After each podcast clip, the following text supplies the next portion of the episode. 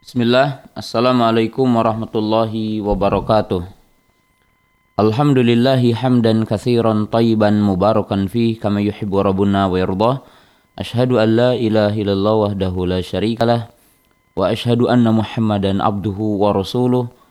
Wassalatu wassalamu ala Rasulillah wa ala alihi wa ashabihi wa man tabi'ahum bi isanin ila yaumiddin amma ba'du. يا أيها الذين آمنوا اتقوا الله حق تقاته ولا تموتن إلا وأنتم مسلمون إعلم رحمكم الله فإن خير الحديث كتاب الله وخير الهدي هدي محمد صلى الله عليه وسلم شر الأمور محدثاتها وكل محدثة بدعة وكل بدعة ضلالة وكل ضلالة في النار معاشر المسلمين para jamaah para pendengar Riyadul Jannah di mana saja berada, sahabat Riyadul Jannah yang semoga Allah Ta'ala senantiasa, senantiasa memberkati kita, merahmati kita semua. Dalam kesempatan pagi yang berbahagia ini kita akan membahas permasalahan yang sangat penting ya untuk seluruh kaum muslimin, kaum muslimat ya berkaitan dengan masalah isqatul janin, yakni al-isqat. Dalam bahasa kita mungkin yang dinamakan menggugurkan.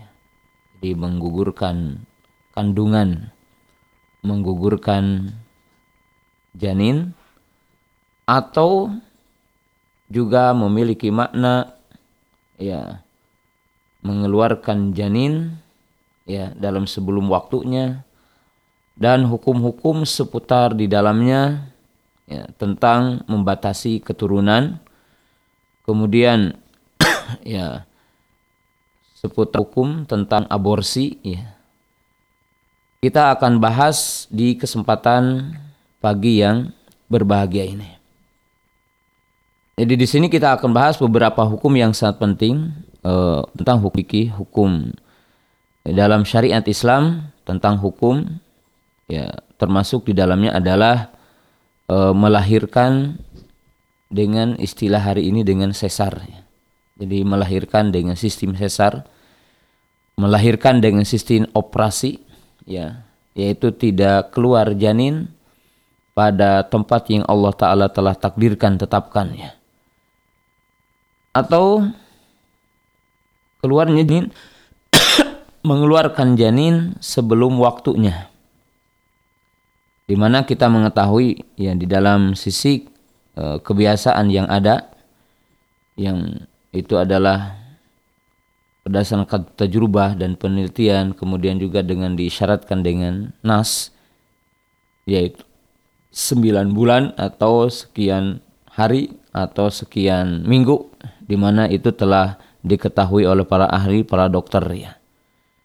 Kemudian juga berkaitan dengan ya apa yang dinamakan dengan istilah tahdidun nasal yaitu membatasi kehamilan, membatasi keturunan. Kemudian di dalamnya juga termasuk menahan kehamilan ya. Jadi menahan kehamilan, kemudian juga hukum-hukum yang lainnya juga termasuk di dalamnya adalah hukum aborsi yaitu menggugurkan kandungan. Tentunya ini hal-hal yang sangat penting untuk diketahui oleh setiap mukmin setiap muslim baik pihak seorang bapak ataupun pihak seorang ibu dan keluarga dan seluruh kaum muslimin. Nah, kaum muslimin jamaah yang dirahmati Allah Subhanahu wa taala nah, saya akan menjelaskan terlebih dahulu ya tentang hikmah dari pernikahan dulu. Jadi berkaitan dengan melahirkan, berkaitan dengan keturunan, berkaitan dengan hukum-hukum ini, maka kita akan jelaskan dulu kaidah dalam Islam ya. Supaya apa yang kita akan bicarakan ini memiliki landasan landasan yang sangat utama di dalam Islam ini. Yang pertama adalah kita sebagai seorang muslim muslimah mengetahui tujuan dari pernikahan. Jadi tujuan dari pernikahan itu untuk apa ya? Di antara sekian banyak dari tujuan pernikahan, mungkin saya akan bahas secara khusus berkaitan dengan uh, hal yang berkaitan dengan judul saja, gitu ya. Tidak terlalu melebar tentang semua tujuan pernikahan dibahas dalam kesempatan yang berbahagia ini. Pertama tujuan dari pernikahan adalah memakmurkan dunia.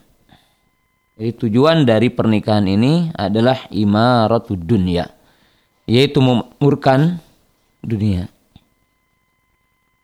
Yang dimaksud dengan memakmurkan dunia agar ya dunia ini tentunya ada penghuninya dan Allah Subhanahu wa taala menciptakan dunia ini alam semesta ini adalah untuk manusia. Maka dengan itu Allah Subhanahu wa taala berfirman dalam surah Ar-Rum ya, surah ke-30 ayat 21 Wa min ayatihi an khalaqalakum min anfusikum azwaja litaskunu ilaiha wa ja'ala bainakum mawaddata wa rahmah inna fi dzalika laayati liqaumi yatafakkarun Allah taala menjelaskan dengan ayat-ayat penciptaan alam semesta ya. Penciptaan bumi, penciptaan langit. Allah menurunkan hujan. Ya. Allah menurunkan rizki kepada manusia. Tujuannya apa? Agar manusia itu memakmurkannya. Maka dengan itu dalam Islam itu dilarang. Ya.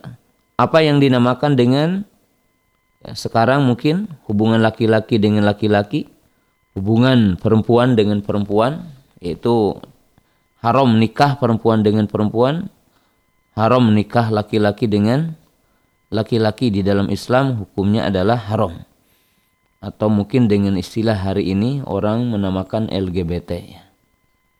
Hal itu karena bertentangan dengan tujuan dan hikmah penciptaan manusia. Karena Allah Subhanahu wa taala juga telah menjelaskan ya dalam surah Al-Hujurat ya. Ya menjelaskan bahwa Allah telah menciptakan manusia ya Adam alaihissalam kemudian menciptakan Hawa ya. Itu untuk datangnya manusia. Ya, datangnya apa manusia? Dan untuk saling mengenal satu dengan yang lainnya jadi Allah Ta'ala telah mentakdirkan laki-laki dengan perempuan dan dengan tujuan agar memakmurkan dunia ini karena tentunya apabila penghuni dunia ini tidak ada maka tidak ya, artinya tidak akan makmur dunia ini. Kalau laki-laki dengan laki-laki tidak akan punya keturunan setelahnya. Perempuan dengan perempuan tidak akan punya keturunan setelahnya. Maka ini adalah hikmah Allah Ta'ala mensyariatkan pernikahan salah satunya. Yang kedua, ya, yang sangat jelas adalah untuk mengarahkan syahwat manusia kepada apa yang mendatangkan maslahat dan apa yang menolak mudarat. Jadi Allah Subhanahu wa taala telah menganugerahkan syahwat kepada laki-laki dan kepada perempuan. Jadi setiap manusia punya syahwat dan Allah Subhanahu wa taala telah menjadikannya berpasang-pasangannya. Allah taala telah menjadikan manusia ini adalah berpasang-pasangan ya. Satu ya, berpasang-pasangan laki-laki dengan perempuan ya. Dan tujuan dari berpasang-pasangan itu tentunya karena Allah Subhanahu wa taala pun menciptakan syahwat pada keduanya. Yaitu yang dinamakan syahwat ya untuk berjima. Jadi syahwat untuk berjima dengan ayat yang tadi telah wa min ayatihi an khalaqalakum min anfusikum azwaja litaskunu ilaihi wa ja'ala bainakum mawaddah wa rahmah.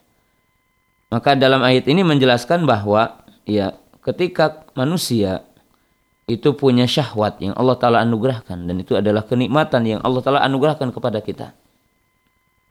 Akan tetapi syahwat ini dan tujuan dari pernikahan ini ya, sangatlah agung pernikahan ini ya, yaitu agar syahwat ini betul-betul terarah kepada yang akan mendatangkan maslahat. yang pertama maslahat dari pernikahan ini tentunya menjaga ketakwaan manusia dan agar manusia bertakwa kepada Allah Taala menjaga imannya. Ya. Yang dimaksud mengarahkan syahwat manusia kepada yang lebih maslahat yaitu tidak diragukan lagi dengan poin yang akan saya jelaskan setelahnya yaitu agar punya keturunan dengan keturunan itu manusia mengambil manfaat juga ya adanya kenikmatan setelahnya baik kehidupan dunia ataupun kehidupan akhirat ini yang saya akan jelaskan kehidupan di dunia di mana manusia akan tua dan orang yang tua itu kepada orang yang memperhatikan Nah itulah kita punya anak. Dan ini adalah maslahat dunia. Adapun masalah akhirat dan ini saya akan tafsir nanti setelahnya masalah akhirat dari pernikahan ini sebarang itu bahwa ketika syahwat itu diarahkan kepada yang uh, hak yang Allah taala telah takdirkan tetapkan secara syar'i ya dan juga sebenarnya jadi syar'i itu menikah dengan akad maka punya keturunan yang dengan itu kita punya pahala dengan sebabnya yang akan mengalir dari anak yang soleh solehah ya sebagaimana kita akan bahas. Tetapi dalam poin yang kedua ini maslahat yang mungkin dohiroh maslahat yang jelas ya yang sebenarnya dunia telah memahaminya ya. Dunia baik yang orang-orang yang apa e, melakukan pelanggaran ini tetapi ini juga memahaminya. Yaitu apa bahwa ya dengan pernikahan itu syahwat yang disesuaikan dengan apa yang diinginkan Allah taala yaitu dengan pernikahan laki-laki dengan perempuan ya. Kemudian juga ada yang diharamkan ada yang dihalalkan untuk dinikahi. Kemudian bagaimana akad pernikahannya kemudian talak dan cerainya dan sebagainya. Maka ini dalam rangka untuk menjaga kesehatan manusia. Karena penyakit-penyakit ini apa yang dinamakan dengan penyakit taun, apa yang dinamakan dengan penyakit HIV ataupun AIDS. Semua itu disebabkan manusia itu melanggar apa yang telah ditetapkan Allah Subhanahu wa taala yaitu berupa nikahnya laki-laki de dengan perempuan ya dengan uh, ketetapan yang telah disyariatkan apa yang dinamakan dengan akdun nikah, akad pernikahan. Maka Allah Subhanahu wa taala menjelaskan dan Nabi SAW menjelaskan bahwa sumber penyakit yang akan timbul di dunia hari ini ya termasuk penyakit yang diperangi oleh seluruh dunia. Per, apa penyakit yang diperangi oleh seluruh dokter. Penyakit yang diwanti-wanti oleh seluruh dunia. Bahkan maka Indonesia juga ya melakukan hal itu pengarahan dan sebagainya Walaupun mungkin antara pengarahan dengan itu juga tidak jelas ya di termasuk mungkin di negara-negara yang bukan Islam ya. Yaitu apa? E, di sini antara wasilah dengan dengan cara dan sebagainya tidak tidak tidak e, tetap ya. Yaitu ada usaha ya setiap negara ini dari Menteri Kesehatan tentang HIV ini oh apa cara-cara dan sebagainya dan wasilah-wasilahnya tetapi tentunya undang-undang yang ada termasuk di negara ini itu tidak e, memberikan satu e, apa e, tidak melakukan satu antisipasi untuk hal itu ya. Karena kita tahu dalam hadis Abdullah bin Umar bahwa baginda Nabi Shallallahu Alaihi Wasallam telah menjelaskan khamsu khisalin fa inni a'udzu billahi bihinna an tudrikuhunna lam tadharil fahishatu fi qaumin qattin hatta yu'linu ila fasha fihim ta'un wal aujau allati lam takut madaw alladhi fi qaumil ladhi madaw. Nabi SAW mengatakan dan hadis ini panjang saya potong satu aja. Bahwa Nabi SAW berkata wahai kaum muhajir wahai kaum ansor aku berlindung kepada Allah Ta'ala dari lima perkara yang ya, untuk menimpa kalian. Yang pertama tidaklah tersebar perzinahan ya kebebasan dalam berzina ya. Kecuali akan tersebar penyakit taun. Dan penyakit-penyakit yang tidak pernah Allah timpakan kepada kaum sebelumnya. Seperti HIV hari ini yang sampai hari ini dikatakan tidak ada uh, belum diketemukan yaitu satu pengobatan yang paripurna ataupun yang bisa menjawab kepada penyakit itu gitu ya. pada penyakit penyakit itu Nah, kecuali dalam bentuk antisipasi yang disebutkan ya, seperti penggunaan kondom dan semisalnya umpamanya. Nah, kaum muslimin jamaah yang dirahmati Allah Subhanahu wa taala. Jadi jelas pernikahan ini di dalam Islam adalah untuk menjaga syahwat manusia, mengarahkan kepada yang mendatangkan maslahat dan menolak kepada perkara yang mendatangkan apa? mabarat, ya. Itu adalah tujuan dari pernikahan. Tujuan dari pernikahan. Ini harus dicatat oleh setiap muslim. Dan saya akan cukupkan tiga saja tujuan dari pernikahan yang berkaitan dengan judul kita, berkaitan dengan menggugurkan janin. Ya. Ya. Ataupun kita menahan kehamilan dan semisalnya. Nah, sedangkan yang ketiga, tujuan dari pernikahan adalah poin yang sangat agung. Di mana tujuan dari pernikahan ini adalah menginginkan keturunan. Ya menginginkan keturunan, adanya keturunan, ya. Jadi orang tidak boleh menikah tetapi tidak punya tidak ingin punya anak gitu. Orang sebenarnya tidak boleh atau bertentangan dengan keutamaannya ketika orang itu menikah lalu menangguhkan punya anak kecuali ada hal-hal yang berkaitan dengan udur. Karena tujuan dari pernikahan adalah ingin punya anak. Oleh sebab itu Allah Subhanahu wa taala menjelaskan dalam ayat-ayat ya berkaitan dengan ini kaidahnya ya yaitu disebutkan dalam surah Ar-Ra'd ya dalam surah yang ke-13 Allah taala berfirman dalam ayat yang ke-38 walaqad arsalna rusulam min qablika wa ja'alna lahum azwaja wa dzurriyyah Allah telah berfirman, tidaklah kami mengutus seorang rasul sebelummu, kecuali kami menjadikan bagi mereka istri-istri dan keturunan. Jadi dalam ayat ini menunjukkan tidak ada ya pada umumnya kecuali yang Allah kecualikan tidak ada seorang nabi yang tidak punya istri dan tidak ada seorang nabi yang tidak punya anak gitu kecuali yang Allah taala kecualikan dengan hikmah-hikmah tertentu ya dan dalam ayat ini menunjukkan ya tentang hikmah kehidupan manusia punya istri dan hikmah kehidupan manusia itu punya punya anak. Jadi di sini telah dijelaskan oleh Allah Subhanahu wa taala di dalam ayat Al-Qur'an. Kemudian dalam surah Al-Furqan Allah telah menjelaskan tentang jati diri orang-orang yang soleh. Jadi kalau ini disebutkan adalah para nabi. Di sini disebutkan adalah para para rasul. Maka Allah Subhanahu wa taala menjelaskan tentang orang-orang soleh. Ya, artinya ini umum. Jadi adalah umum.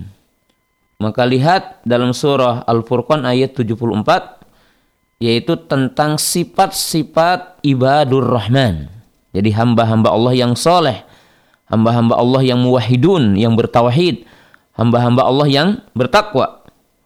Dinyatakan walladzina yaquluna rabbana hab lana min azwajina wa dzurriyyatina qurra'yun waj'alna lil muttaqina imama.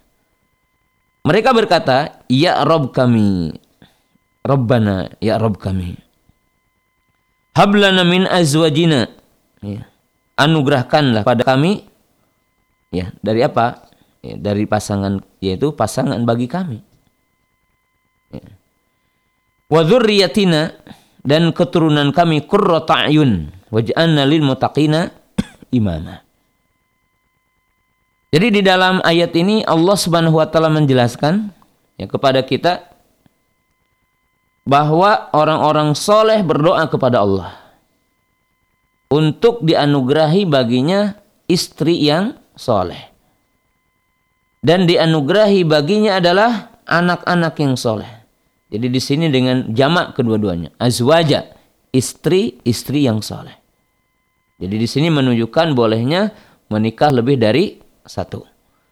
Nah, dalam Islam dibatasi yaitu empat boleh. Dengan kaidah-kaidah yang telah ditetapkan. Wadhurriyatina dan keturunan-keturunan. Ya, di sini menunjukkan keturunan. Ya, keturunan berarti anak.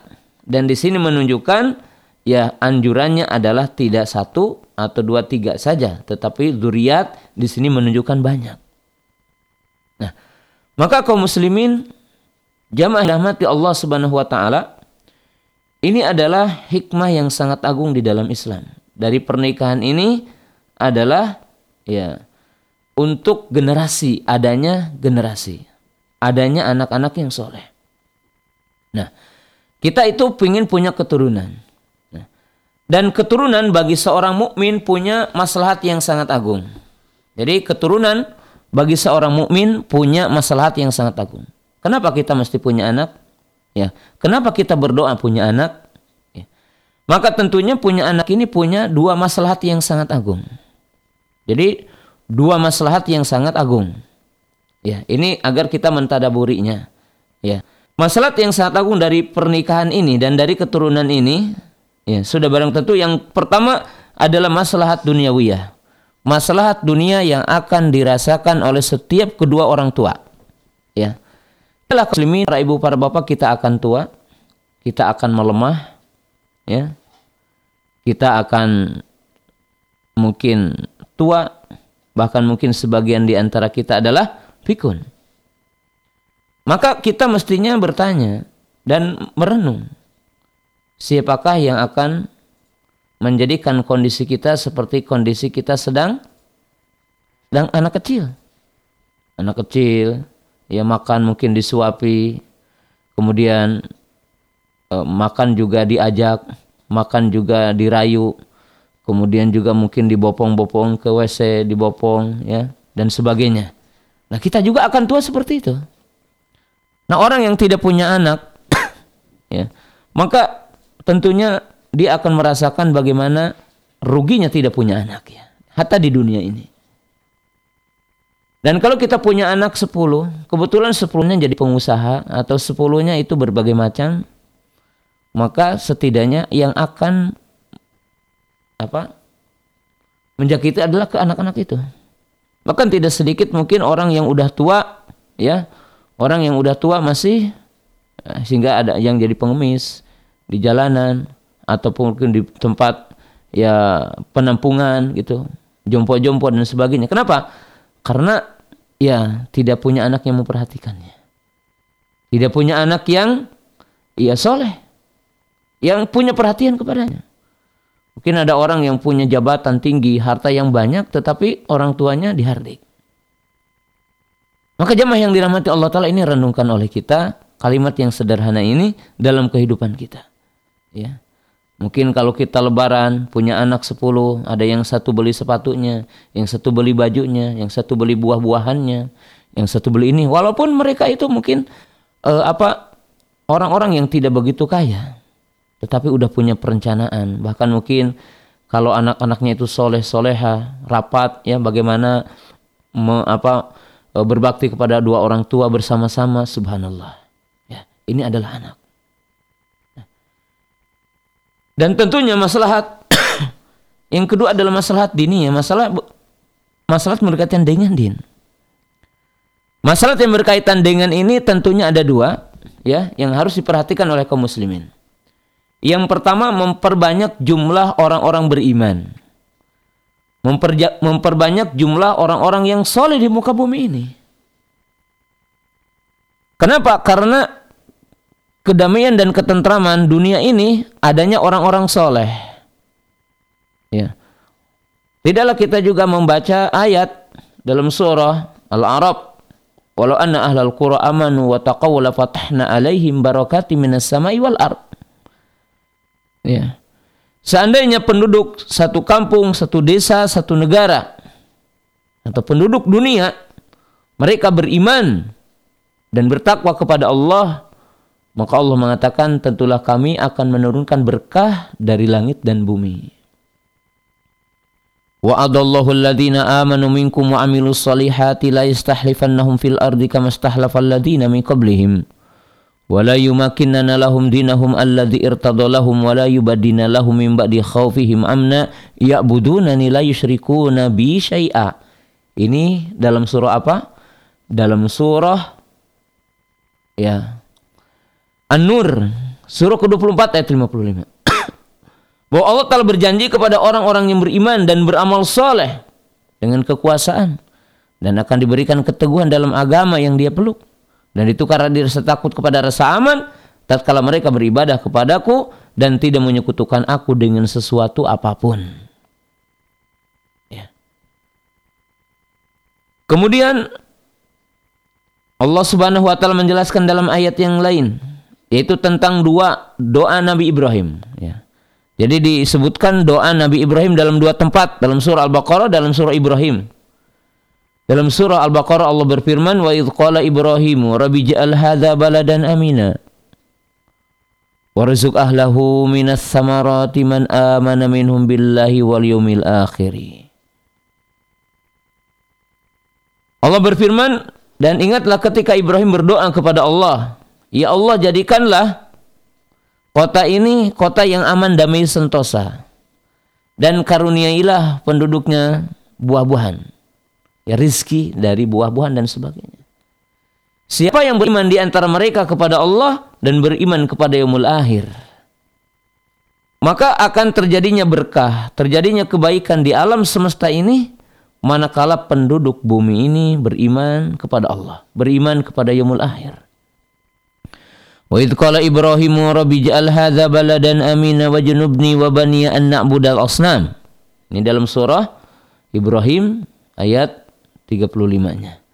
Dan ingatlah ketika Nabi Ibrahim berdoa kepada Allah, Ya Allah jadikanlah kota ini kota yang aman, damai sentosa dan karuniailah. Ya, artinya orang-orang di dalamnya ya rizki dan kedamaian. Dan jauhkanlah aku dan keluargaku dan keturunanku anak dan cucuku dari penyembahan berhala.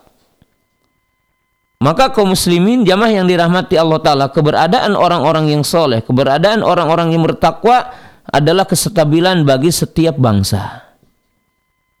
Jadi kesetabilan dan ketentraman dan kebaikan bagi setiap bangsa ini. Dan ini tentunya tujuan kita memperbanyak anak soleh. Jadi memperbanyak anak-anak soleh memperbanyak orang-orang yang baik di dunia ini. Dan wajib dicatat khususnya oleh kaum muslimin bahwa penduduk bumi ini hari ini dan itu juga diteliti ya mungkin 10 tahun yang lalu saya tidak pernah meneliti ataupun mungkin membaca lagi penelitian yang sekarang baru belum saya. Tapi kita ambil aja yang dulu.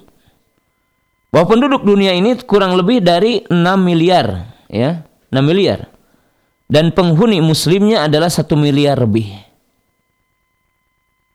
Maka kaum muslimin jamaah yang dirahmati Allah Subhanahu wa taala, bahwa tujuan dari pernikahan ini adalah ingin jadi menjadikan penduduk bumi ini adalah orang-orang yang soleh. Walidzalika qala Nabi sallallahu Tazawwaju al-walud al-walud wa inna muqasilukum al-umal yawmal qiyamah.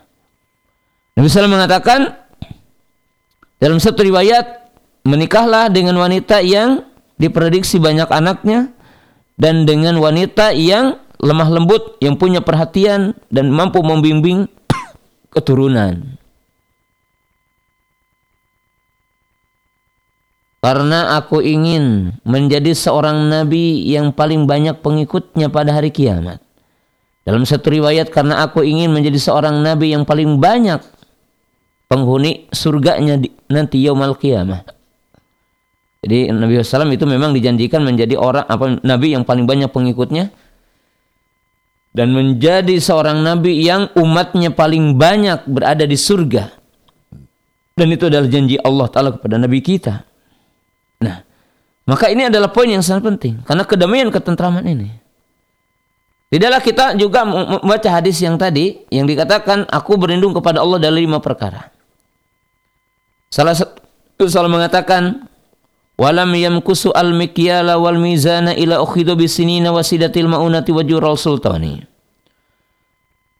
Walam yamna'u zakat amwalihim illa muni'ul qatar.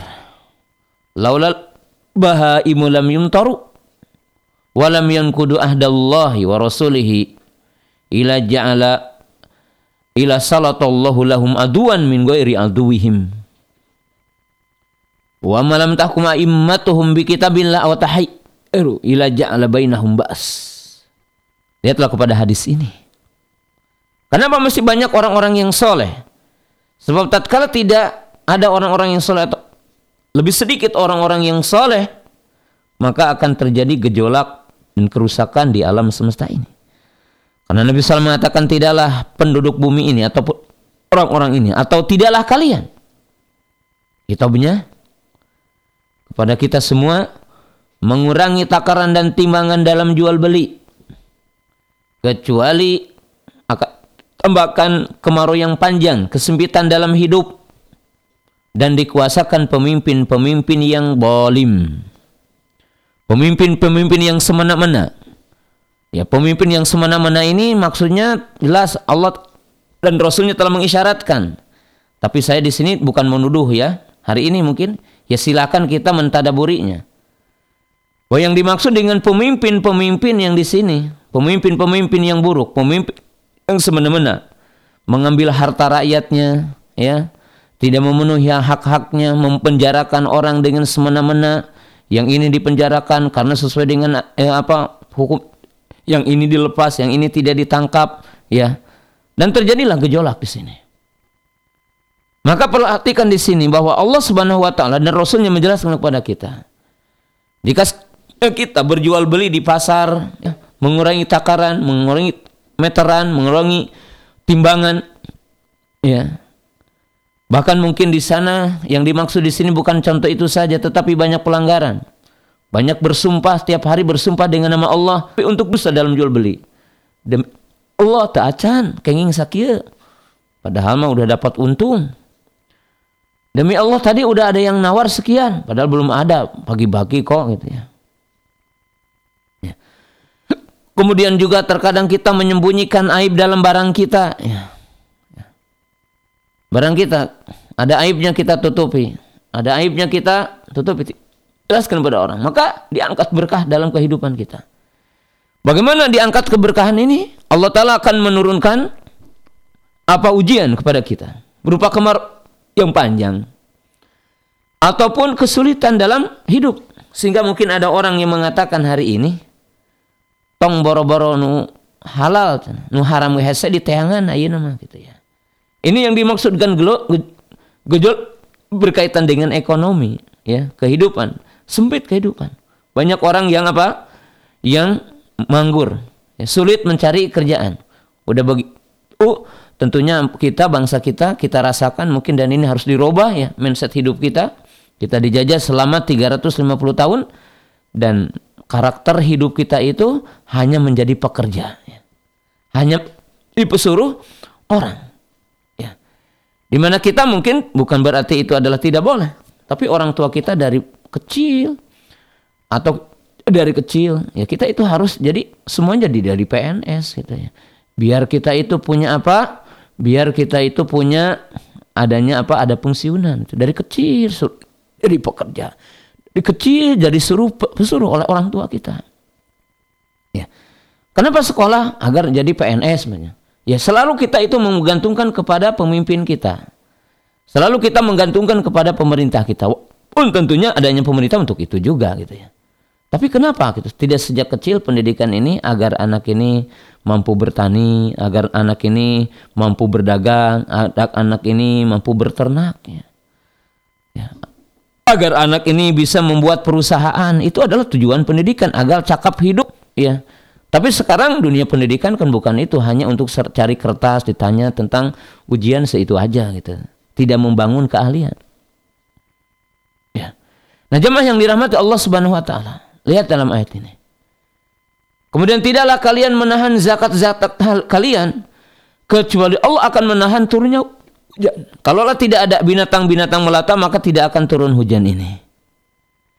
Kemudian tidaklah kalian melanggar dan menentang Allah dan Rasulnya kecuali Allah akan menguasakan musuh-musuh kalian. Jadi di sini tentunya ekonomi kita, politik kita, tempat tinggal kita diambil sama musuh hari ini. Ya tentunya kita introspeksi. Introspeksi dari berbagai sisi kita in Introspeksi yang pertama introspeksi dari keimanan kita. Yaitu umat Islam Indonesia yang sekarang jumlahnya 80 sekian persen. Atau sampai 90 sekian persen. Maka apa? Bertanya kita tentang iman kita, tentang ketakwaan kita. Karena setiap dosa kita akan mendatangkan ukubah. Yang kedua juga mindset hidup kita berkaitan dengan dunia pendidikannya. ya, dunia pendidikannya. Cara kita itu mendidik anak kita. Cara kita itu mengarahkan anak kita untuk hidup bisa hidup dan bisa bertanding dan bagaimana kita itu mampu ya punya kewibawaan dalam sisi ekonomi, mampu juga dari sisi fisiknya, mampu dari sisi politiknya dan sebagainya. Maka umat Islam dituntut ya untuk kembalikan. Dan yang kelima kata Nabi SAW dalam hadis itu dan tidaklah para pemimpinnya tidak berhukum dengan hukum Allah kecuali akan jadi jolak. Kenapa? Karena hukum yang dibuat oleh manusia umumnya adalah dibuat untuk memberikan manfaat kepada dirinya. Ya. Entah itu dengan ya konspirasi, ya konspirasi, ya kan kita juga tahu ya sering di, di, diberikan komentar mungkin hatta dalam dunia yang dibikin hari ini bahwa tidak boleh ya ataupun disyaratkan ya yang namanya uh, orang yang ada di, dalam dunia apa di bagian hukum jadi MK ya jadi jadi kodi atau apa ini jangan orang politik katanya gitu kan. Kenapa karena menunjukkan bahwa hukum yang dibuat ada deal-deal politik. Hukum yang dibuat ada deal-deal politik. Nah hadis ini menjelaskan kepada kita manakala para pemimpin manusia ini tidak berhukum dengan hukum Allah maka hukum yang dibuat manusia itu adalah deal-dealnya kebutuhan kebutuhan kelompoknya. Adalah tidak berkaitan dengan kebutuhan manusia tidak berkaitan maslahat manusia tidak berkaitan dengan masalah semuanya tapi mau tidak mau sadar ataupun tidak sadar setuju ataupun tidak setuju apa yang telah didapatkan dalam telinga kami dalam telinga saya pribadi dengan apa pengamatan orang mengatakan bahwa yang menjadi hukum yang tidak boleh begini jangan ada inter, intervensi dari uh, politik, ada intervensi dari partai dan sebagainya. Itu menunjukkan kesadaran bahwa hukum yang dibuat tidak lepas dari intervensi kekuatan. Nah, maka Nabi SAW mengatakan akan terjadi gejolak dan kerusakan manakala para pemimpin tidak berhukum dengan hukum Allah Taala dengan hukum yang dibawa oleh nabinya alaihi wasallam akan terjadi kerusakan. Ya akan terjadi kerusakan. Maka pernikahan tujuan adalah untuk menciptakan orang-orang yang soleh.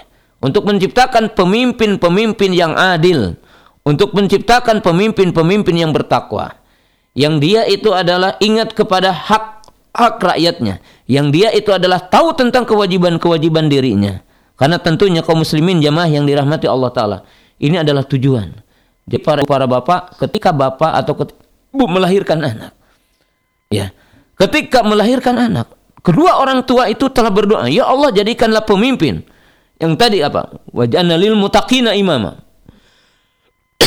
Dan jadikanlah pemimpin yang bertakwa. Pemimpin untuk orang-orang bertakwa. Menunjukkan apa? Mereka memiliki akhlak yang sangat baik, memiliki akhlak yang sangat mulia dan ini adalah tujuan dari pernikahan memunculkan generasi yang soleh tapi tentunya adalah kewajiban kita mendidik ya. Dan ini perkara yang sangat agung ya. Dicatat oleh kaum muslimin ini. Nah, sedangkan masalah yang kedua dari masalah din ini adalah masalah akhirat. Masalah akhirat bagaimana? Para ibu, para bapak, tidaklah kita mengetahui kepada hadis-hadis ini. Waqala Nabi sallallahu alaihi wasallam idza mata ibnu adam in qata amaluhu illa min. Wa minha sadaqatun jariyah. Wal ilmu yuntafa'u bih. Wa waladun salihun yad'u lahu. Baginda Sal mengatakan apabila Bani Adam meninggal dunia maka akan terputuslah ya, amalnya kecuali dari tiga Perka ya. Yaitu sedekah jariah karena kita memiliki amal yang mengalir ya. Sedekah jariah seperti membangun masjid, membangun sekolah ya, membangun irigasi ya. Kemudian eh, apa? menggali sumur ya. Ini adalah sedekah jariah. Seorang bapak, seorang keluarga ya menanam umpok pohon kelapa, menanam pohon sawit umpamanya yang dengan itu anak-anaknya mengambil. Maka ini dinamakan sodakoh jariah. Yang kedua ada ilmu yuntafa'ubihi, ilmu yang diajarkan. Nah, ilmu yang diajarkan ini ya seperti mungkin para ulama, ya para mudarris, para muallim, kedua orang tua yang mengajari anaknya mengajari tauhid, mengajari sifat sholat, mengajari keifiyah wudhu bagi orang tua yang mengajarinya. Dan yang ketiga adalah amal dari amal anak-anak yang soleh. Bahwa anak yang soleh ini akan bermanfaat apanya? Anak-anak yang soleh akan bermanfaat dari tiga sisi yang sangat berharga. Perhatikan. Yang pertama doanya. Jadi ketika anak yang soleh berdoa sangat bermanfaat bagi kedua orang tuanya. Yang ketiga amal kebaikannya. Ya, amal kebaikan. Anak kita sholat, anak kita puasa, anak kita zakat, anak kita itu melakukan kebaik kebaikan apa pun, bahkan tidak ada saat bagian kebaikan anak kita yang soleh yang tentunya itu adalah karena kita mendidiknya kecuali akan mengalir kepada kita pahalanya. Walaupun anak itu tidak meniatkan pahala oh ini pak sholat saya untuk orang tua puasa saya untuk orang tua sudah orang tua tidak ya. Ini bermanfaat tetapnya. Yang ketiga adalah amalan yang memang ada dalilnya bahwa boleh dihadiahkan kepada bapaknya. Artinya di sini diniatkan untuk bapaknya. Ya seperti menghajikan, mengumrohkan, ya, kemudian menyaum, menyaumkan, mensodakohkan. Ini di antara perkara-perkara yang ada dalilnya dan bukan makomnya saya untuk menjelaskan semuanya. Tetapi ya kita paham dengan hadis-hadis itu. Dan sebagian amal ada yang ikhtilaf. Ya seperti membaca Al-Quran untuk apakah sampai atau tidak sampai. Nah ini ada perbedaan di antara para ulama. Tetapi pendapat Imam Syafi'i tidak sampai ya. Walaupun tentunya kita umumnya di Indonesia bermadhab Imam Syafi'i. Nah Imam Syafi'i dalam ini beliau mengatakan tidak sampai. Bahkan yang mengatakan sampai adalah Imam Ibn Taimiyah rahimahullah ta'ala dan muridnya Imam Ibnul Qayyim rahimahullah ta'ala. Nah, kaum muslimin yang jemaah yang dirahmati Allah Ta'ala. Jadi punya anak ini punya satu pahala yang sangat agung. Oleh sebab itu Nabi SAW mengatakan, Inna awladakum min khairi kasbikum. Oleh sebab itu Nabi SAW mengatakan anak-anak kamu adalah sebaik-baik kasab buat kamu. Ya. Maka dengan itu hatta jima dalam Islam adalah ibadah. Ya. Dan jima termasuk bentuk ibadah yang sangat agung. Dan termasuk kasab yang dengan sebabnya ada kebaikan setelahnya. Ya. Hanya ya walaupun jenis ibadah yang sangat agung, ya para ulama juga menjelaskan tidak berlebih-lebihan dalam berjima. Ah, tetapi berjima adalah bagian ibadah yang sangat agung. Nabi mengatakan wa budi ahadikum sodakoh dan dari daging yang kamu miliki ada sodakoh. Jadi ditulis pahala kebaikan. Kemudian dikatakan kasab yang paling baik. Kenapa? Karena adanya keturunan, ya, adanya jima. Ini adanya keturunan. Dengan sebab apa jima ini? Ya. Maka oleh sebab itu jamaah yang dirahmati Allah Subhanahu wa taala mulia ya ya, mulia dan agung. Ini adalah tujuan dari pernikahan. Jadi tujuan dari pernikahan catat. Nah, kemudian ada poin yang sangat penting menjadi mukodimah yang kedua tentang hukum kita menggugurkan kandungan ini. Jadi kaidah yang kedua dalam hal yang berkaitan dengan hukum eh, apa membunuh apa ataupun mengeluarkan kandungan ini yaitu Allah taala berfirman tentang larangan membunuh ya, jiwa manusia. Ya. jadi larangan membunuh jiwa manusia. Lihatlah di dalam dua ayat kedua dalam surah yang ke-17 ayat 31 dan surah ya Al-Isra ayat 33. Masya Allah ayat ini berdekatannya. Dan di sini bahkan ada tiga ayat yang berkaitan dengan pernikahan ini dan berkaitan dengan pembunuhan. Perhatikan di sini. Allah berfirman, saya bacakan dengan kaidah yang umum dulu, yaitu larangan membunuh manusia tanpa hak Ya. Itu ayat 33-nya. Allah berfirman wala taqtulun nafsallati har Allahu ila bil haqqi. Dan janganlah kalian membunuh jiwa. Ya, jadi janganlah membunuh jiwa yang Allah taala haramkan ila bil haqqi kecuali dengan hak. Ya. Yang dimaksud kecuali dengan hak ini boleh boleh apa seseorang boleh dibunuh ataupun ya diambil nyawanya karena hak. Ya, seperti membunuh dibunuh ya. Kemudian ya orang yang berzina dan itu udah muhsad maka dia diranjam ya. Kemudian orang yang melakukan bugot ya seperti melakukan kudeta ya, melakukan pemberontakan maka itu diperangi oleh pemimpin. Artinya apa? Diperangi. Ya. Dan orang yang murtad dalam Islam maka itu apa? Bunuh. Yang mencaci Allah mencaci Rasulnya. Jadi menghina Allah, menghina Rasulnya. Maka ini pun dihukum. Dalam Islam, yaitu ingin al-qatlu. Atau dia melakukan sihir. Ya, maka dalam Islam adalah al-qatlu. Tapi dalam Islam dilarang manusia itu membunuh. Dan dalam surah An-Nisa dikatakan tempat kembalinya adalah neraka yang membunuh mukmin dengan sengaja. Jadi larangan membunuh manusia dengan tanpa hak. Hatta dilarang membunuh. Jadi dalam, perlu diperhatikan Islam tidak menghalalkan darah orang kafir semuanya. Ada yang yang dibunuh, itu kafir dimi, kafir muahad, kafir musta'man, tidak boleh diperangi. Tidak boleh dialirkan darahnya. Tidak boleh.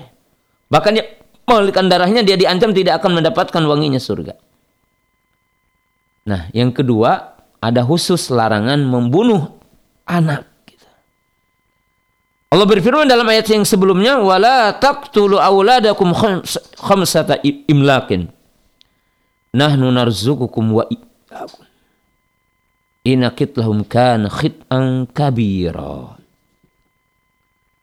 Kemudian setelahnya apa? Wala taqrabu zina innahu kana fahisyata Subhanallah, ini ayat menjelaskan tentang larangan berzina, larangan membunuh. Di sini juga menjelaskan bahwa berzina ada indikasi membunuh. Yaitu turunan golibnya gitu ya. Karena menjadikan ketidakjelasan keturunan di sini. Jadi ada indikasi, walaupun bukan berarti berzina membunuh. Tentunya bukan, tetapi ada indikasi ke dalamnya.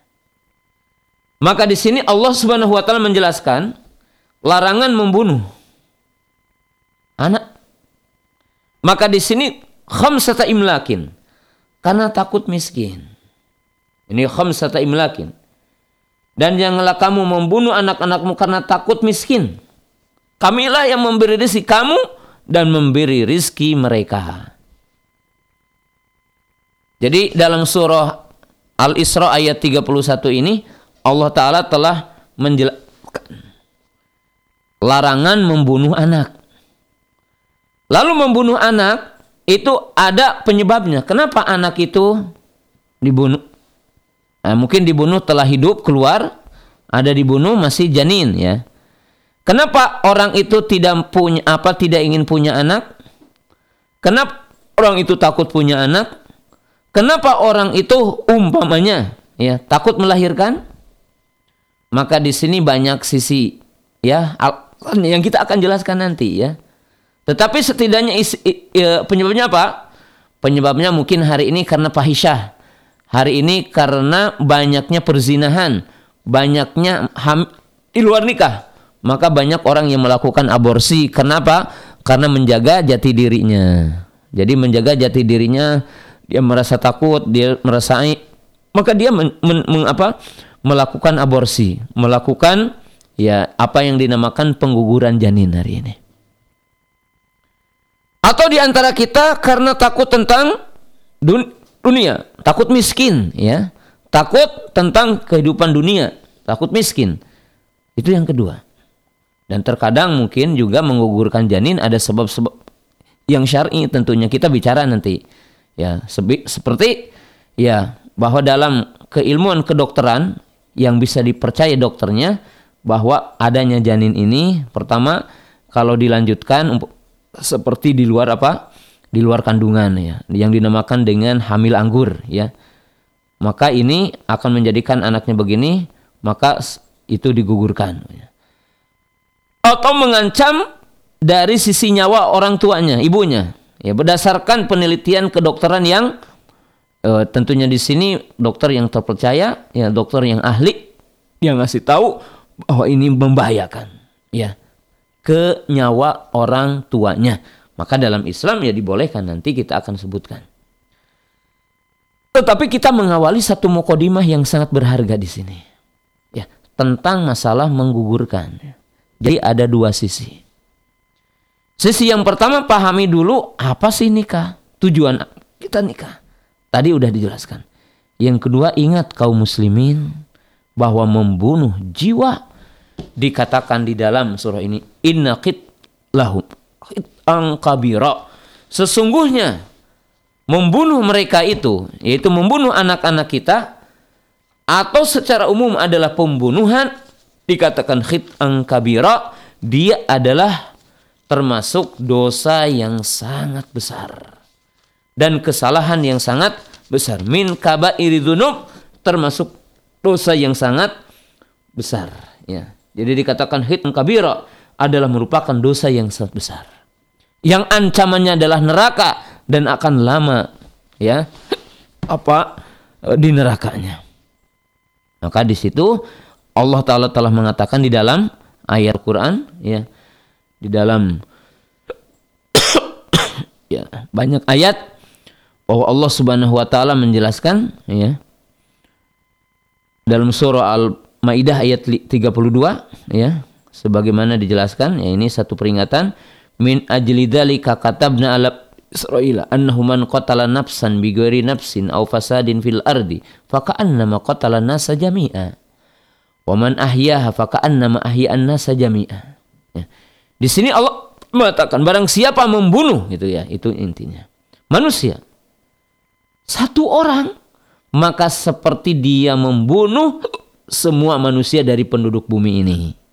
Ya ini uh, apa berupa larangan ya dari Allah Subhanahu wa taala. Nah, itu dalam surah Al-Maidah ayat 32. Dalam surah Al-Baqarah taala berfirman, "Wa kana wa makana lil mu'minin an yaqtul illa khata'an. Wa man qatala mu'minan khata'an fatahrir raqabatin mu'minatun muslimatun ila ahlihi." Maka disebutkan dalam ayat setelahnya ayat 93-nya Wa may yaqtul mu'minan muta'ammidan fajaza'uhu jahan khalidan fiha wa ghadiballahu alaihi wa la'annahu adalahu adzaban azima. Di sini disebutkan ancaman bagi orang yang membunuh mukmin dengan sengaja. Ya, termasuk membunuh keturunannya. Apa? Neraka jahanam, murka Allah, laknat Allah, dan Allah akan menyediakan adab yang sangat pedih. Jadi adab yang sangat pedih. Jadi kaum muslimin jamaah yang dirahmati Allah Subhanahu wa taala di sini larangan-larangan membunuh dan ancaman-ancaman. Di mana bagi yang membunuh ada hukuman di dunia apabila sengaja maka dia adalah dikisos. Apabila tidak sengaja maka dia adalah membayar diat ya, membayar diat yang dibayarkan kepada keluarganya. Jadi ada hukuman memerdekakan budak dan membayar diat yang dibayarkan kepada keluarganya. Nah ini bagi yang membunuh. Jadi kaum muslimin jamaah yang dirahmati Allah Ta'ala ini mukodimah dulu dan hukum-hukumnya belum kita bahas ya. Jadi di sini adalah satu penjelasan kenapa. Ya, perhatikan dulu kenapa kita melakukan pengguguran janin. Kenapa melakukan aborsi. Kenapa tidak ingin punya anak. Kenapa batasi anak. Maka ini kita punya koidahnya dulu dan nanti berkaitan dengan hukum satuannya kita akan bahas di pekan depan insya Allah. Baik, jazakumullahu khairan katsira khairul jaza. Kami ucapkan kepada Al Abu Qatadah Hafizullah taala untuk materi dan ilmu yang telah disampaikan pada kesempatan di pagi hari ini. Masih dalam pembahasan mengenai hukum-hukum dari darah wanita yaitu pada pagi hari ini telah dibahas dari mukodimah hukum menggugurkan janin atau kandungan. Dan untuk selanjutnya khotbah Islam iyyakum sebagaimana yang telah kami sampaikan kita beranjak ke sesi tanya jawab. Baik, untuk pertanyaan pertama, kita akan uh, angkat terlebih dahulu pertanyaan dari pesan singkat melalui WhatsApp. Assalamualaikum warahmatullahi wabarakatuh. Ustadz, kalau anak hasil berzina, bagaimana hukum mahramnya terhadap saudara-saudara lainnya yang senasab juga terhadap yang lainnya Ustadz? Bagaimana prosesi pengurusan terhadap janin yang keluar spontan sebelum usia janin? Oh, ini pertanyaan lainnya lagi Ustadz. Bagaimana prosesi pengurusan janin yang keluar spontan sebelum usia janin ditiupkan ruh dari Abu Ihsan di Sukaratu. Ya hukum-hukum yang lain kita bahas di tempatnya ya insya Allah. Adapun berkaitan dengan proses janin yang keluar ya. Kalau keluarnya udah berbentuk nyawa, eh, kalau keluarnya udah ditiupkan ruh dan keluar dengan bentuk utuh janin, maka ini dipelihara, apa dipelihara ya dengan cara kita menguburkan itu yang paling pokok. Adapun memandikan dan menyolatkannya maka hukumnya sunnah. Ya, kalau menguburkannya adalah satu kewajiban, an hukum menyolatkan dan hukum untuk uh, apa uh, menyolatkan memandikannya maka hukumnya sunnah ya. Tetapi disunahkan untuk disolatkan. Dan apabila telah berbentuk telah berbentuk artinya telah berbentuk janin maka dikuburkan tetapi juga tidak perlu dimandikan dan tidak perlu di di apa disolatkan. Ya kalau di, disolatkan. Karena disolatkan itu dan belum dikatakan manusia dan belum dikatakan ruh ya. Maka tidak perlu disolatkan wallahu taala alam. Adapun berkaitan dengan pernikahan itu insya Allah di tempatnya kita akan bahas ya. Dan ini sebenarnya udah sering kita bahas ya. Berkaitan dengan uh, anak hasil zina yang sebenarnya bahwa tidak orang tuanya tidak bisa menikahkan ya. Jadi tidak bisa menikahkan orang tuanya dan dinikahkan oleh uh, apa? oleh wali hakim ya. Jadi dinikahkan oleh wali hakim Allah taala. Baik, kembali kami ucapkan jazakumullahu khairan katsira khairul jaza. Kembali kepada Ustaz untuk satu jawaban dari pertanyaan kita yang pertama melalui WhatsApp dari Abu Ihsan di Sukaratu. Semoga menjadi kejelasan bagi penanya dan tentunya bagi para pendengar sekalian. Kemudian pertanyaan selanjutnya kita akan angkat dari pesan singkat kembali melalui SMS. Assalamualaikum warahmatullahi wabarakatuh. Dari hamba Allah di Tasikmalaya, Pak Ustadz mau bertanya bagaimana hukumnya memakai KB spiral dengan uh, eh, KB yang di dalam rahim Ustadz. Itu dipasang untuk lima tahun dengan tujuan saya menjaraki mempunyai anak, bukan untuk menstop punya anak Ustadz. Bagaimana hukumnya? Ya. Kita sebenarnya akan membahasnya itu ya. Jadi nanti satu persatu ya satu persatu. Yang jelas memakai uh, alat kontrasepsi apa namanya ya? alat menahan kehamilan itu alat menahan kehamilan itu kan macamnya banyak nanti ya. Yang pertama menahan kehamilan selamanya. Ya, maka ini haram hukumnya kecuali karena ada maslahat ataupun menolak madarat ya. Jadi seperti umpamanya e, diprediksi ibunya menjangkit penyakit ini yang akan membahayakan nyawa dan sebagainya, maka ya seolah-olah rahimnya diangkat ya gitu. Itu boleh. Yang kedua e, menggunakan alat penahan kehamilan itu dengan tujuan apa yang dinamakan dengan tandim karena di situ ada tahdid, ada tandim. Kalau tahdid membatasi ya. Kalau tandim mengatur. Kalau tandim pada umumnya para ulama membolehkan tetapi melihat kepada dua sisi utama. Jadi kalau yang dinamakan tandimun nasal ya seperti umpamanya dijarakan dua tahun atau tiga tahun ya. Tandim ya bukan tahdid. Jadi tidak bertujuan anaknya pingin dua atau tiga pingin empat atau hanya lima saja. Tetapi tujuannya menjarangkan kehamilan ya. Maka di sini ada tiga syarat utama yang harus dilihat. Syarat yang pertama kembali kepada niat. Walaupun ini akan saya tafsil nanti ya, akan saya rinci di permasalahannya. Dan ini bersabar tentang hukumnya karena panjang. Yaitu yang pertama apabila ditinjau dari niat. Niatnya apa? Kalau niatnya adalah takut dunia, ya aduh, saya mau bekerjanya cuma jadi ini atau dan sebagainya gitu ya. Dan takut kepada dunia, maka itu tentunya cacat tauhidnya. Ya, catat imannya. Ya, cacat iman dan tauhidnya. Karena yang akan memberi rizki bukan kita, Allah yang akan memberi rizki. Ya, siapa tahu dengan sebab kita punya anak, Allah akan membukakan rezeki kita. Karena tentunya setiap binatang yang melata di muka bumi ini tidak akan dimatikan kecuali Allah telah memberikan rezekinya.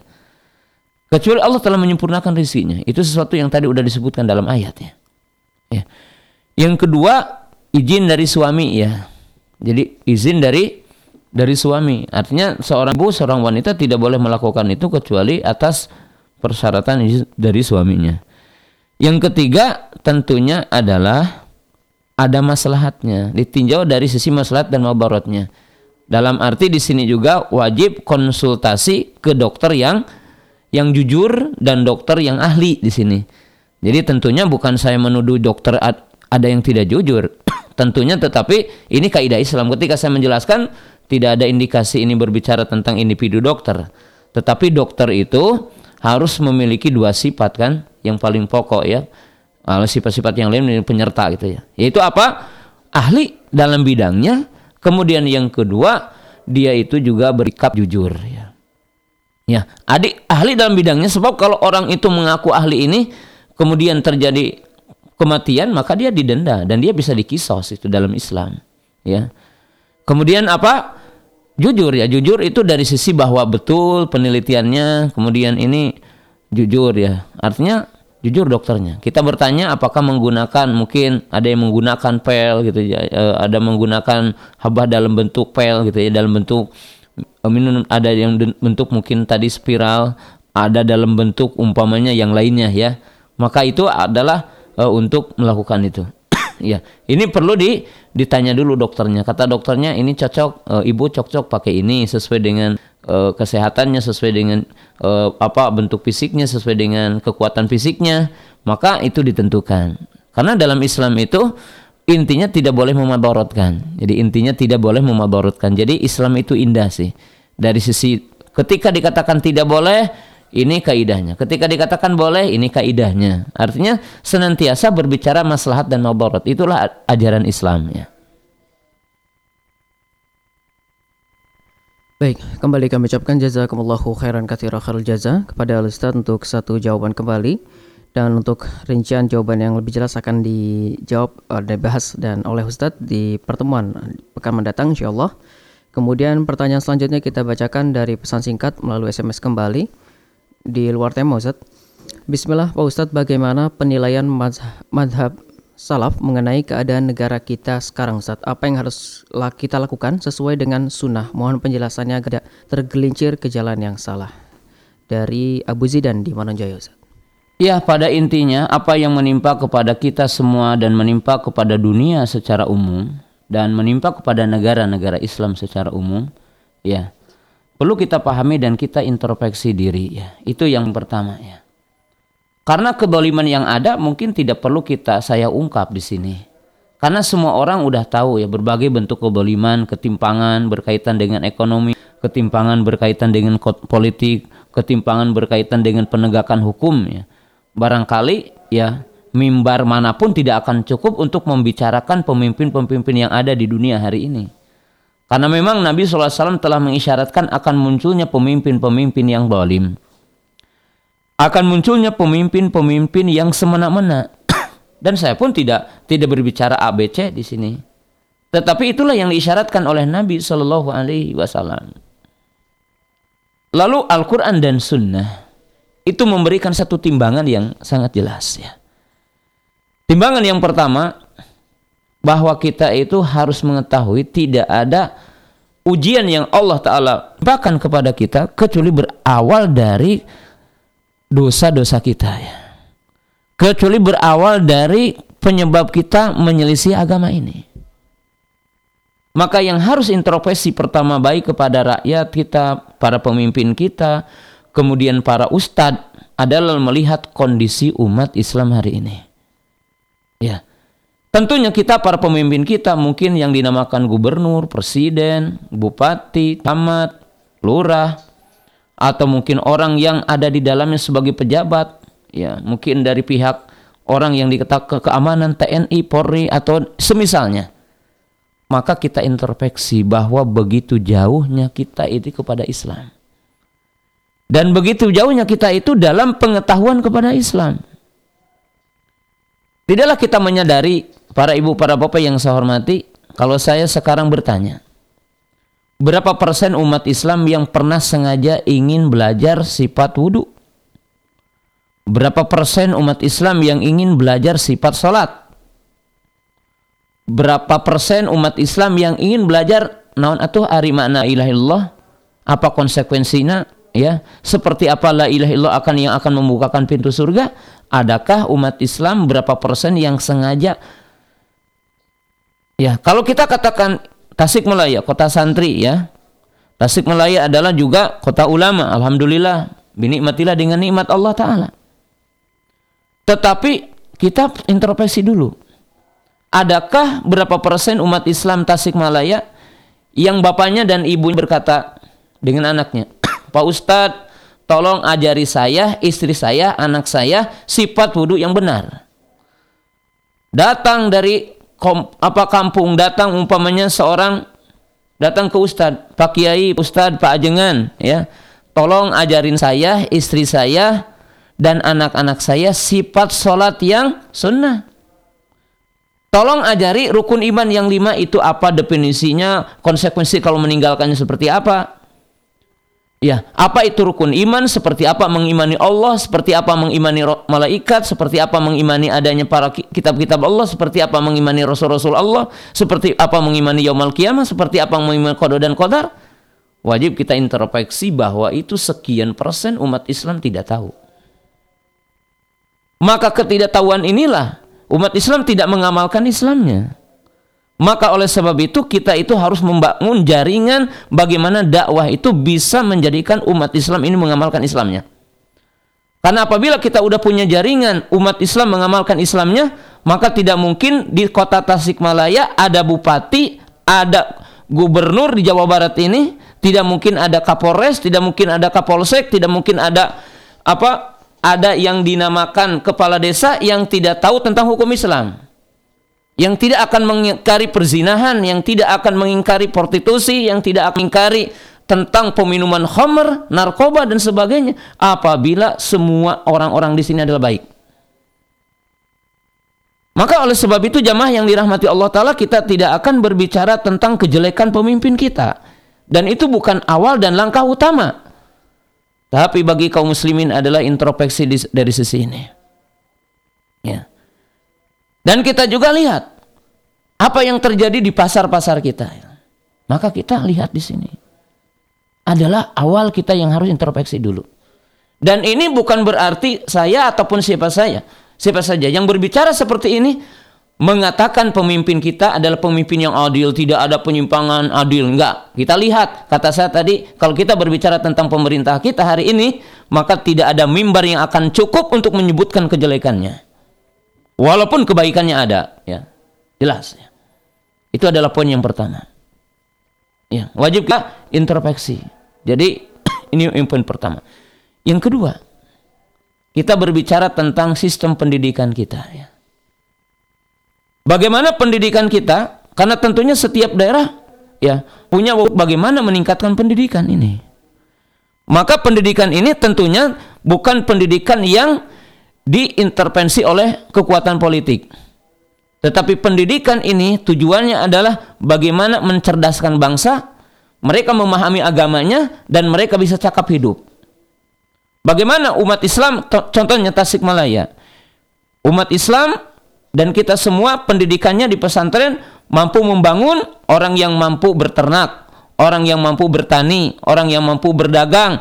Bukan sekedar sejak kecil itu hanya kita itu berbicara tentang secari kertas, bagaimana anak SD itu lulus, dikasih ujian, kemudian dikasih UN, setelah itu dikatakan setelah SD. Ya.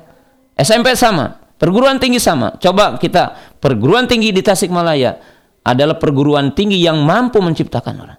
Kita tidak boleh hanya berbicara telah datang pekerja-pekerja asing ke Indonesia telah datang pekerja-pekerja asing datang ke Indonesia. Mereka mengambil ini dengan itu. Ya, itu benar dan kita harus waspada.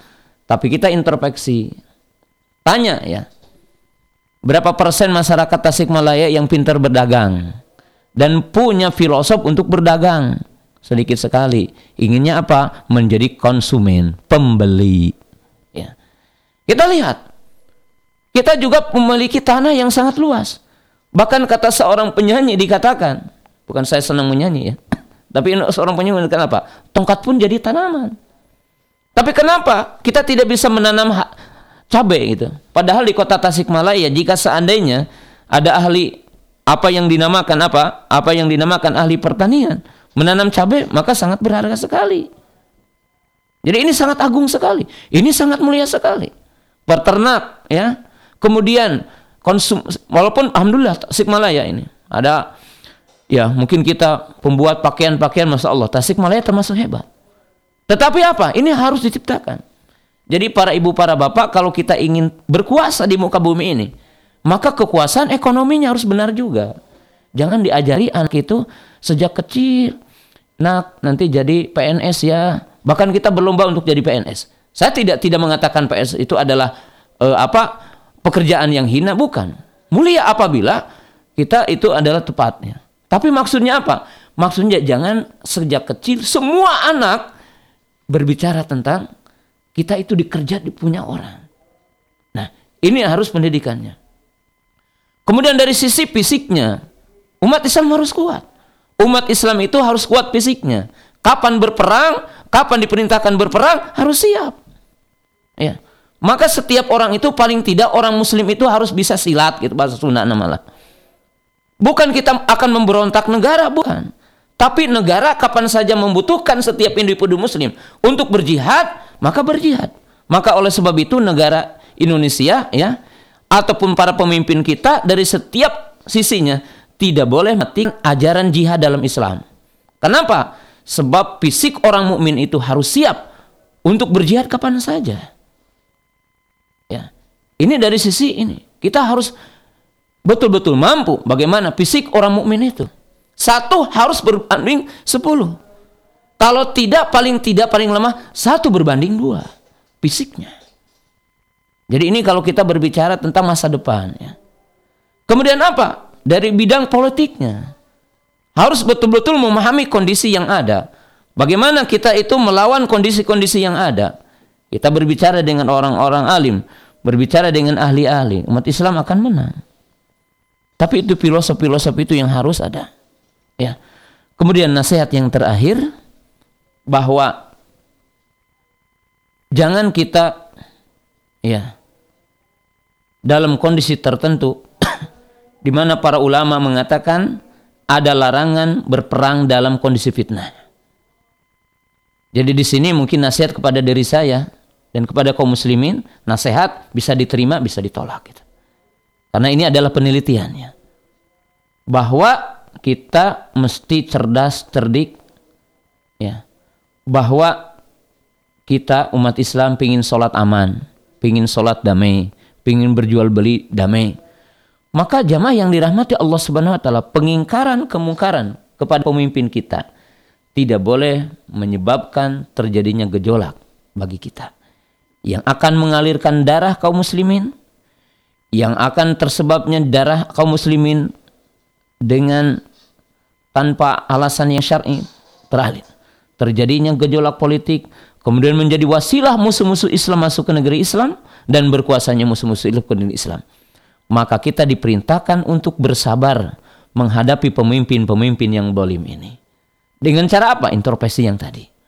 Dengan cara apa? Mendoakan para pemimpin kita kepada kebaikan.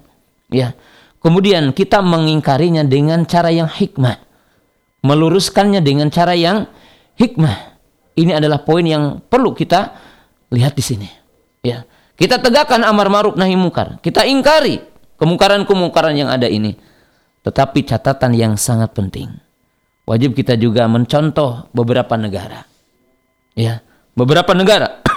Apa yang terjadi di Mesir? Apa yang terjadi di Yaman? Apa yang terjadi di Irak? Apa yang terjadi di Libya? Ya. Bahwa sesungguhnya tidak semata-mata kalau kita bisa ya menggulingkan maaf pemimpin yang ada yang kita anggap dolim bahwa setelah itu kita akan melihat ya kedoliman itu tidak ada tanpa merubah kondisi rakyatnya tanpa merubah kondisi umatnya maka oleh sebab itu yang pertama dirubah adalah umatnya pemimpin yang dolim maka kita harus betul-betul melihat maslahat dan madarat di dalamnya. Bahwa kita harus melihat maslahat dan madarat di dalamnya. Dan masih terakhir, tidak begitu gampang kita mengkafirkannya, tidak begitu gampang kita mengatakan seorang pemimpin kita kafir, akan tetapi sebagaimana dinyatakan dalam hadis, ila antaro kupron bawahan wa fikum mumbarahin kecuali engkau melihat kekufuran yang nyata dan engkau memiliki dalil dalam menegakkan kekufuran itu. Karena tentunya semua kaum muslimin bangsa negara Indonesia ini sangat ingin damai sentosa. Maka jangan kita melakukan amar ma'ruf nahi mungkar, jangan kita mengingkari kemungkaran pemimpin kita ataupun siapa saja dengan menyebabkan datangnya madorot yang lebih besar dari kemungkaran yang hari ini apa ada. Maka kepada seluruh kaum muslimin. Kita barangkali para dai, para doa, para kiai, di sinilah kita harus betul-betul cermat melihat maslahat dan madarat yang ada di kita. Sekali lagi, saya katakan bahwa apa yang saya sampaikan tidak menjadi satu wasilah bahwa kita melegalisasi, melegalisasi tentang keboliman yang ada. Keboliman yang ada sesuatu yang kita lihat hari ini. Tetapi apa yang harus kita perbuat untuk ya lewat dari kedoliman-kedoliman ini dan kita terhindar dari fitnah-fitnah ini. Ya, kaum muslimin jamaah yang dirahmati Allah taala. Oleh sebab itu Nabi SAW mengatakan pahala bagi orang yang sabar dalam kondisi fitnah menjaga darah kaum muslim, menjaga harta kaum muslimin, menjaga keutuhan negara Islam ataupun negara umat Islam ini, maka kita mesti sabar dan kesabaran itu. Bukan hanya Allah taala akan memberikan manfaat di dunia tapi manfaat di akhirat. Maka Nabi SAW mengatakan isbiru hatta qaum fi sabarlah kalian nanti kalian akan bertemu denganku di haudku. Dalam arti kaum muslimin jamaah yang dirahmati Allah taala.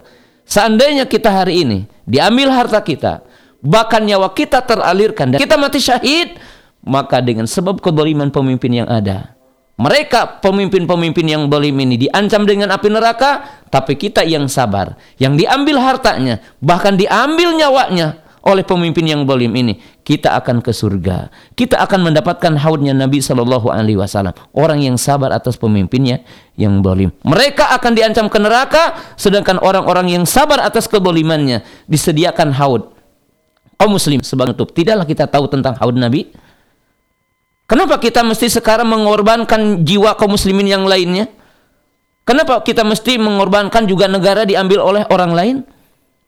Dengan sebab kita mungkin melihat keboliman ini, kita bersabar dengan keboliman yang ada hari ini. Tetapi bukan sabar dalam arti tidak menempuh sebab. Tadi sudah disebutkan sebabnya. Tapi ingat kaum muslimin, bahwa orang yang sabar akan keboliman pemimpinnya, hartanya diambil, bahkan jiwanya ya dialirkan di penjara, maka dia akan disediakan haud. Tidaklah tahu haud Nabi SAW? Arduhu masiratu sahrin wa tuluhu masiratu sahrin ma'uhu abiyadu minal laban. Wa ahlu minal asal. Aniyatuhu ka'adadi nujum minas sama. Man syariba minhu lam yadma abada. Nabi SAW mengatakan haud Nabi SAW itu yang ada di arasatil kiamah lebarnya luasnya sejauh perjalanan satu bulan. Airnya lebih putih dari madu dan lebih maaf lebih putih dari susu dan lebih manis dari madu. Gayung-gayungnya sebanyak bintang-bintang di langit. Dalam satu riwayat dikatakan dahab yaitu gayung-gayungnya dari permata-permata yang dari surga. Dan siapa yang meminumnya, maka dia tidak akan haus selamanya. Tidaklah kita mengharapkan haud Nabi SAW, maka kita bersabar akan terjadi kedamaian di negara ini di Indonesia ini. Wallahu ta'ala ini adalah nasihat tentang poin-poin yang sangat berharga ini. Mudah-mudahan Allah Subhanahu wa taala memberikan taufik kepada kita kaum muslimin untuk mengamalkan agama kita dan mari kita berdoa kepada pemimpin kita. Sebab kata para ulama salaf, seandainya kami memiliki doa yang mustajab, maka aku ingin doa itu khususkan bagi pemimpinku karena kebaikan pemimpin adalah kebaikan rakyatnya dan kebaikan rakyatnya akan memunculkan pemimpin yang baik. Wa akhiru da'wana anil hamdulillahi rabbil alamin. Assalamualaikum warahmatullahi wabarakatuh.